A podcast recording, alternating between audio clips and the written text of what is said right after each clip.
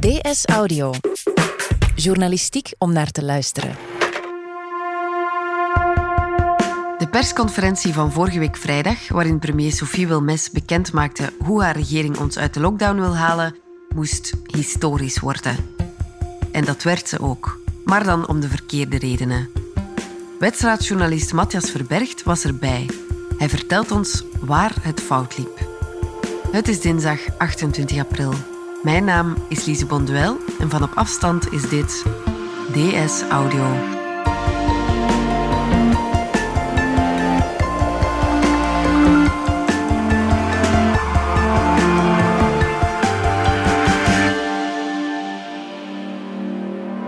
Het was zo dat de vergadering om half drie was begonnen in de namiddag. Er werd dan verwacht dat het enkele uren zou duren, want er was wel een redelijk goede voorbereiding ook geweest. Er was de avond daarvoor ook een overlegcomité geweest. Dat is eigenlijk een vergadering tussen de deelstaten en het federale. Dus uh, ongeveer rond, ik denk, vijf, zes uur besloten wij toch om vanuit de redactie al naar daar te vertrekken. Dat is dan um, buiten aan de Wetstraat 16 in de Hertogstraat eigenlijk, net om de hoek. Daar is een wat men noemt de bunker. Dus dat is de plek waar alle persconferenties doorgaan van de federale regering. Uh, daar mochten we nog niet binnen, maar het was daar dan wachten in de zon uh, op witte rook. En dus ja, was het uh, wachten en heel lang wachten ook uiteindelijk. We hebben het net gehoord. Het zou kunnen dat het iets langer duurt.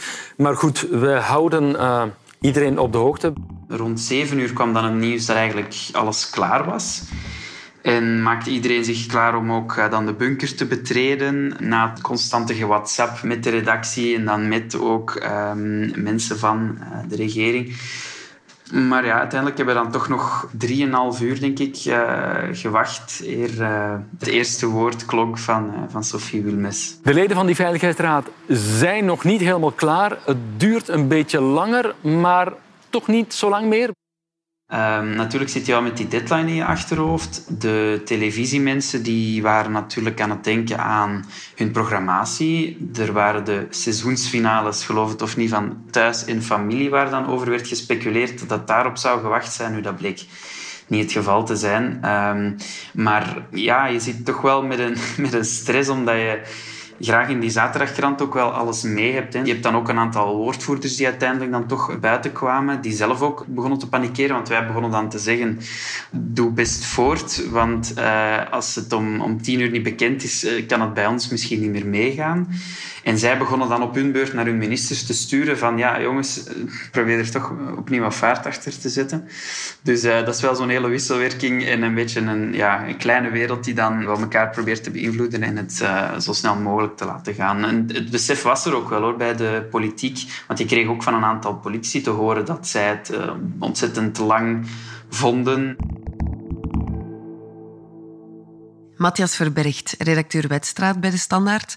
Je hebt vorige vrijdag de persconferentie over de Belgische exit-strategie bijgewoond.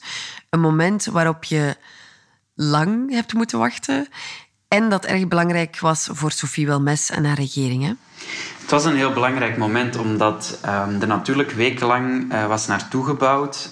Um, er was gezegd, België gaat op die dag haar exit-strategie voorstellen. Mm-hmm. En um, in de loop van de dagen ervoor was er ook wel al heel wat gelekt over met name die, um, dat expertenrapport. Dus er was ook bijzonder veel speculatie uh, onder de bevolking, onder de bedrijven, ondernemingen.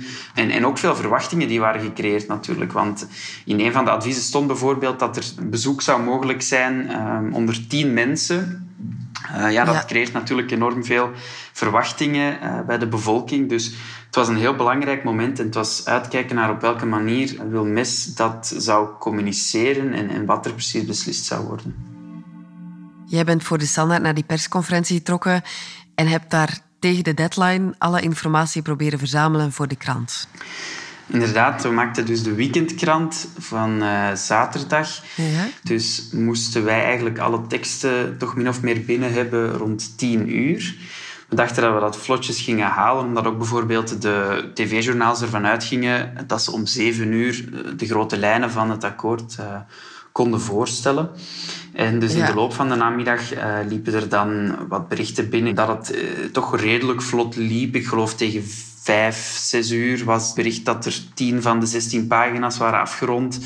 Dus het leek de goede richting uit te gaan. want wat er effectief was gebeurd, is dus dat ze inhoudelijk wel min of meer klaar waren om zeven uur, maar ze um, besloten om echt elk punt en elke komma van de communicatie eh, te overlopen en zeker te zijn dat er overleg was geweest, dat er geen fouten in stonden, dat er geen mogelijke dubbelzinnigheden meer in zouden staan. En dat heeft blijkbaar heel lang geduurd. Hmm. En hoe was de sfeer daar tussen al die wachtende journalisten? Um, ja, de sfeer. Iedereen was eigenlijk constant aan het proberen om toch al bepaalde aspecten op te vangen van wat er uh, beslist was.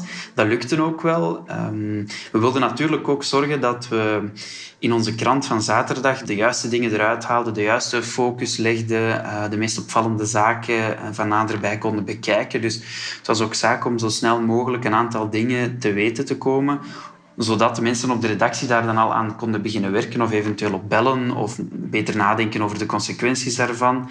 Dat is ook wel deels gelukt. hè? Mhm. Dus er zijn al inderdaad wel veel dingen uitgelekt over die maatregelen. Eh, sommige dingen bleken ook uh, naderhand toch nog ingetrokken te zijn. Hè? Zoals bijvoorbeeld er het gerucht dat uh, er mensen twee bezoekers zouden kunnen ontvangen buiten in hun tuin dan. Ja. Uh, dat is dan uiteindelijk van tafel teruggegaan.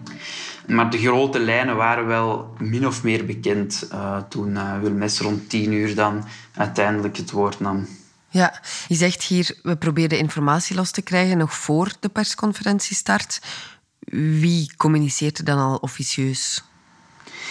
Ja, je probeert um, natuurlijk zoveel mogelijk te weten te komen en een aantal mensen aan te sturen. Dat gaat dan over um, effectief personen die daar dan aan tafel zitten, maar ook woordvoerders of andere kabinetsleden of medewerkers uh, met wisselend succes. Dus sommige antwoorden op dat moment, sommige niet.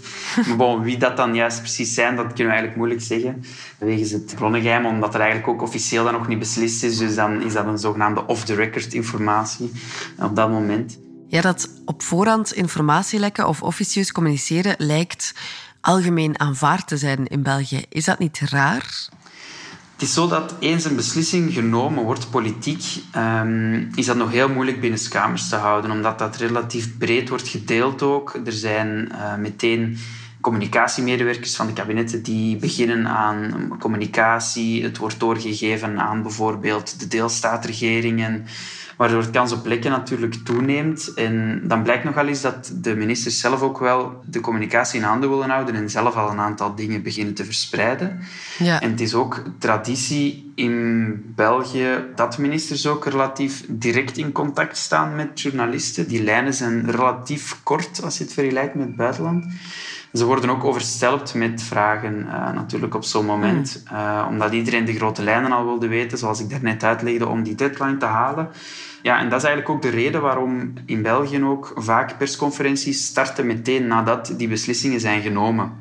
Dat is een voordeel omdat je dan inderdaad de tijdspannen tussen het nemen van de beslissing en het communiceren daarvan zo kort mogelijk houdt en dus de kans op lekken ook zo sterk mogelijk verkleint. Maar anderzijds geeft dat je heel weinig voorbereidingstijd om die communicatie te gaan doen. En dat is toch alweer gebleken op vrijdagavond dat communiceren van wat er beslist is heel moeilijk blijft.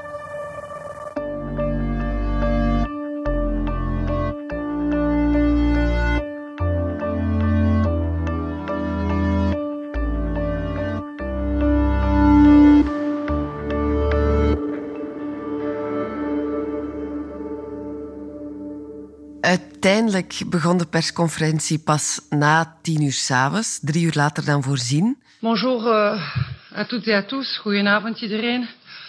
Bedankt om uh, hier aanwezig te zijn. Ik wil eerst de journalisten die hier aanwezig zijn bedanken voor hun begrip. Hoe is dat concreet kunnen gebeuren? Inderdaad, ze waren uh, dus, zoals ik zei, klaar rond zeven uur. Maar uh, dan is er heel veel tijd genomen om eigenlijk te vermijden dat er opnieuw een soort communicatieblunder zou gemaakt worden, zoals dat het geval was de week daarvoor. Hè. Je herinnert je nog wel met die uh, woonzorgcentra, dat er gecommuniceerd werd dat er bezoek mogelijk was zonder dat er overleg was gepleegd met de sector. De beslissing van de Veiligheidsraad om in de woonzorgcentra en andere zorginstellingen één bezoeker per bewoner toe te laten stuit op veel verzet. Een storm van protest. De instellingen zelf zien dat niet zitten. De beslissing is zonder overleg genomen, zeggen ze. Meteen uh, daarna op de actualiteitsprogramma's op televisie heeft de sector dat idee dan meteen uh, begraven, uh, net als de bevoegde ministers. Dus dat was een, een zeer pijnlijke passage voor de, voor de regering.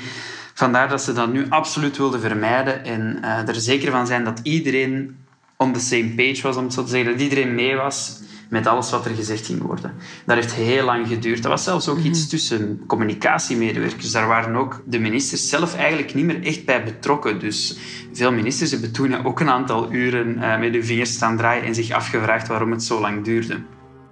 En na dat lange wachten was er de persconferentie, maar die was ook niet bepaald een succes. Hè? Onder andere de PowerPoint-presentatie is op sociale media met de grond gelijk gemaakt. Ja, dat klopt. De kritiek was erg scherp. Vooral het opstarten van een PowerPoint, dat uh, kan soms even duren, inderdaad. Maar inderdaad, ook als je met experts spreekt, zij dachten dat het uh, geen goede zet was om het op die manier te doen.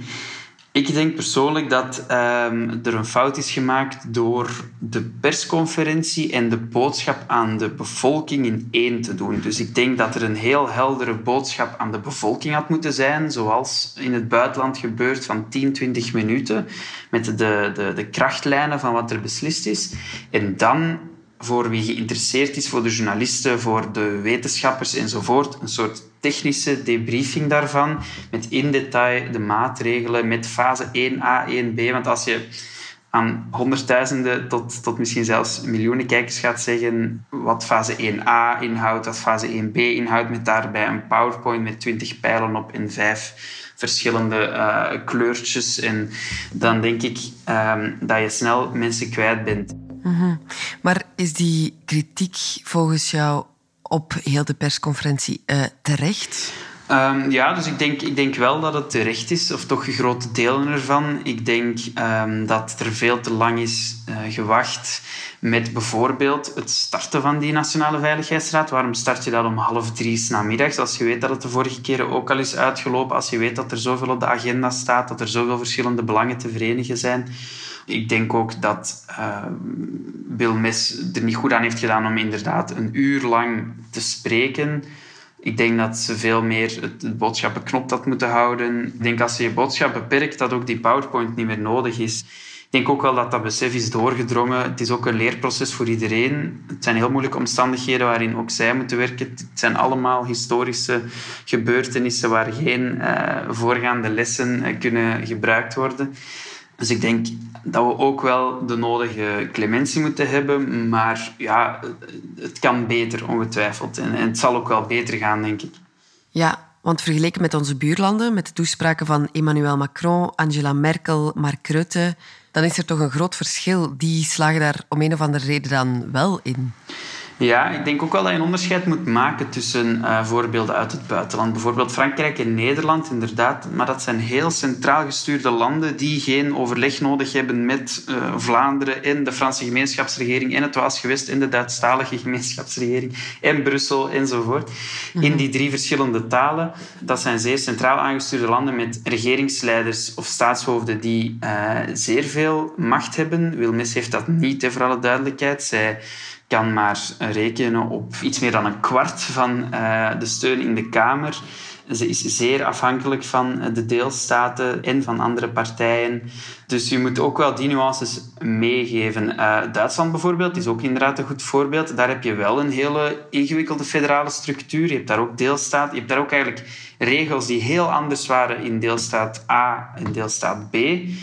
Maar daar heeft inderdaad Merkel wel het beter kunnen communiceren. Hè. Dus daar zie je ook wel natuurlijk die ervaring. Ze heeft ondertussen bijna... Ze gaat richting de 20 jaar ervaring als regeringsleider. Dus dat is natuurlijk een enorm verschil met iemand als Wilmes, die eigenlijk een aantal maanden geleden maar eh, een beetje stoemelings op die stoel van premier is terechtgekomen. Constant moet aftoetsen, overleggen, kijken, heb ik wel een draagvlak? Gaan de andere partijen mij hierin volgen? Um, want ze heeft geen meerderheid, dus de facto moet ze rekening houden ook deels met de partijen die niet in haar regering zitten.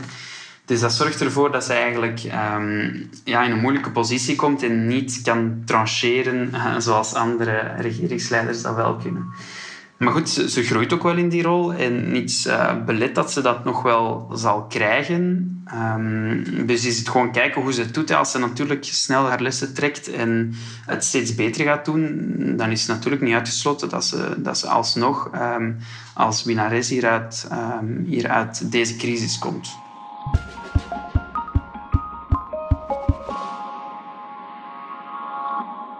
Praktisch is de situatie dus al inherent ingewikkeld, maar ook inhoudelijk was het niet simpel om beslissingen te nemen. Hè? Ja, je moet ook weten, er lagen een aantal moeilijke knopen op tafel.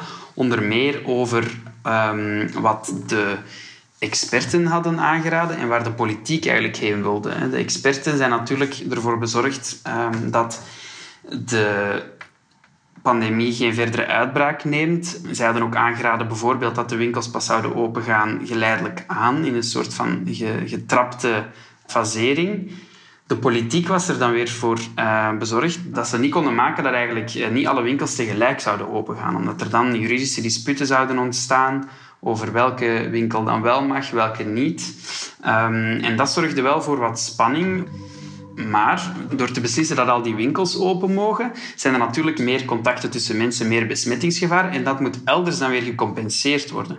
Dat zei ook uh, vicepremier David Clarenval achteraf aan ons. Van ja, als je één kraan opendraait van, van contacten tussen mensen, ja, dan moet je de andere dichtdraaien. Dus was het een constant mhm. spel tussen welke belangen gaan we hier laten primeren? Is het de economie en doen we dus alle winkels en alle bedrijven opnieuw zo snel mogelijk open? Of gaan we toch de mensen wat perspectief geven op sociaal contact? En uiteindelijk is er wel heel duidelijk gekozen voor dat eerste. Dus is er heel duidelijk mhm. gekozen voor de, de, de economie gaat voor, voor op het sociaal contact. Ja, en ja, ook de discussie over het al dan niet heropenen van de scholen duurde uiteindelijk veel langer dan gepland. Wat was daar de grote moeilijkheid? Er was inderdaad discussie over de scholen, omdat uh, het onderwijs is natuurlijk een bevoegdheid van de deelstaten Um, Vlaanderen wilde eigenlijk zo snel mogelijk en efficiënt mogelijk die scholen weer heropenen met natuurlijk respect voor, voor uh, de gezondheid.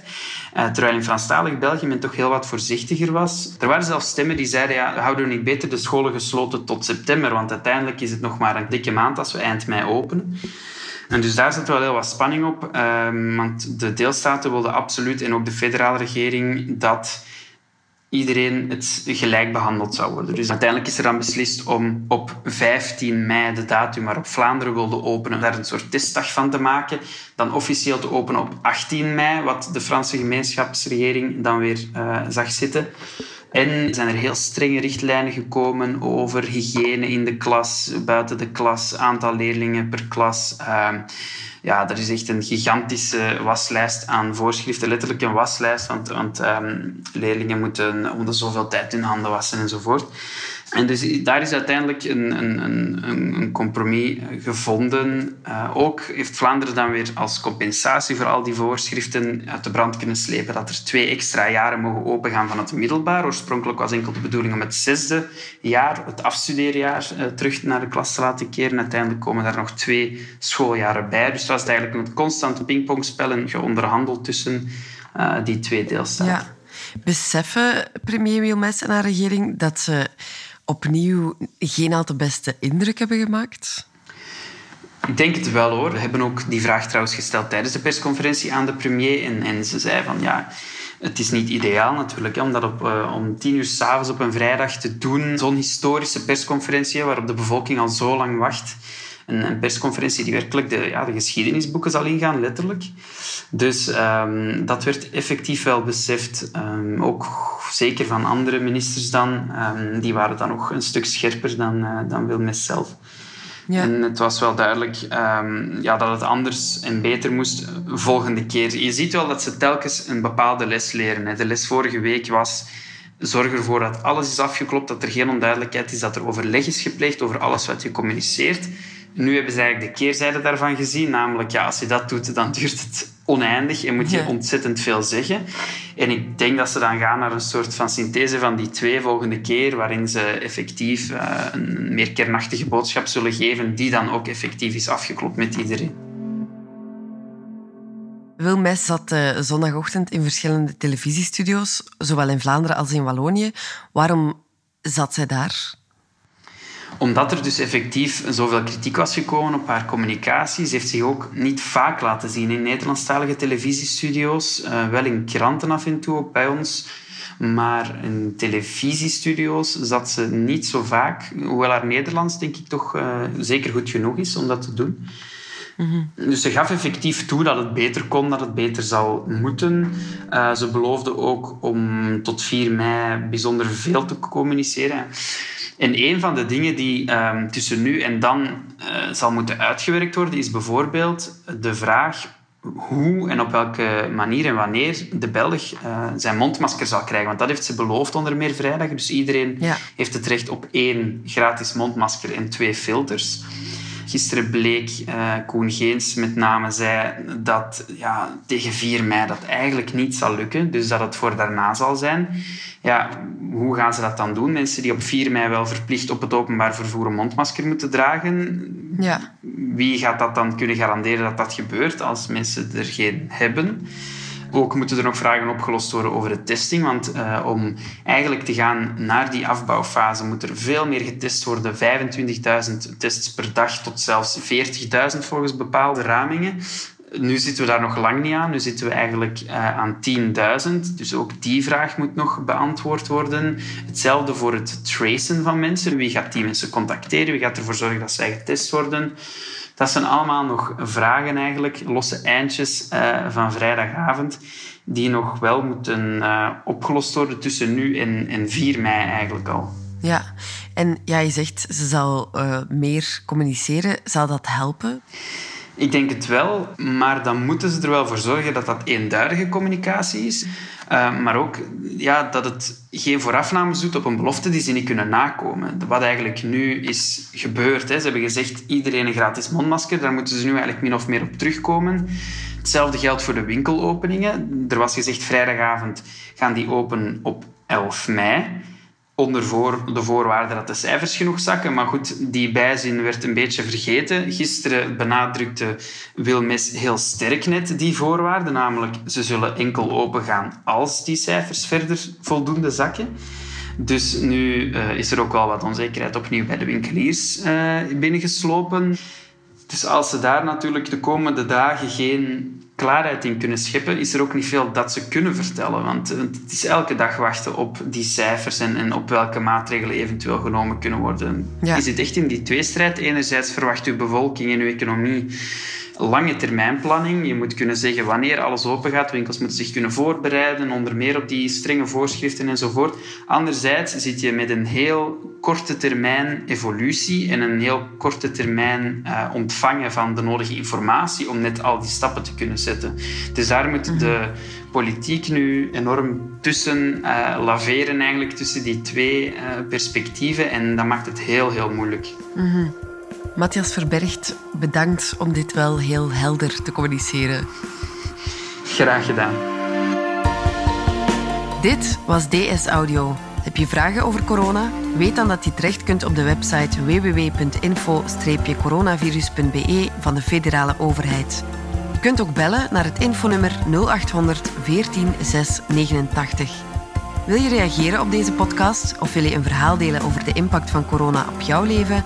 Dat kan via dsaudio.standaard.be. In deze aflevering hoorde je Matthias Verbergt en mezelf, Lise Bonduel. De redactie gebeurde door Pieter van Malen en Fien Dille, de eindredactie door Annelies van der Roost. Brecht Plasgaard deed de audioproductie. Brecht schreef ook de muziek die je hoorde in deze podcast. Chef audio is Wouter van Driessen. De extra geluidsfragmenten die je hoorde kwamen van VRT en Belga. Vond je deze podcast interessant? Weet dan dat je er elke werkdag één kunt beluisteren. Dat kan via de DS Nieuws app of via standaard.be-audio. Kunt je ook abonneren via iTunes, Spotify of de podcast-app van je keuze. En als je daar dan toch bent, schrijf gerust een review. Zo toon je ook anderen de weg. Morgen zijn we er opnieuw.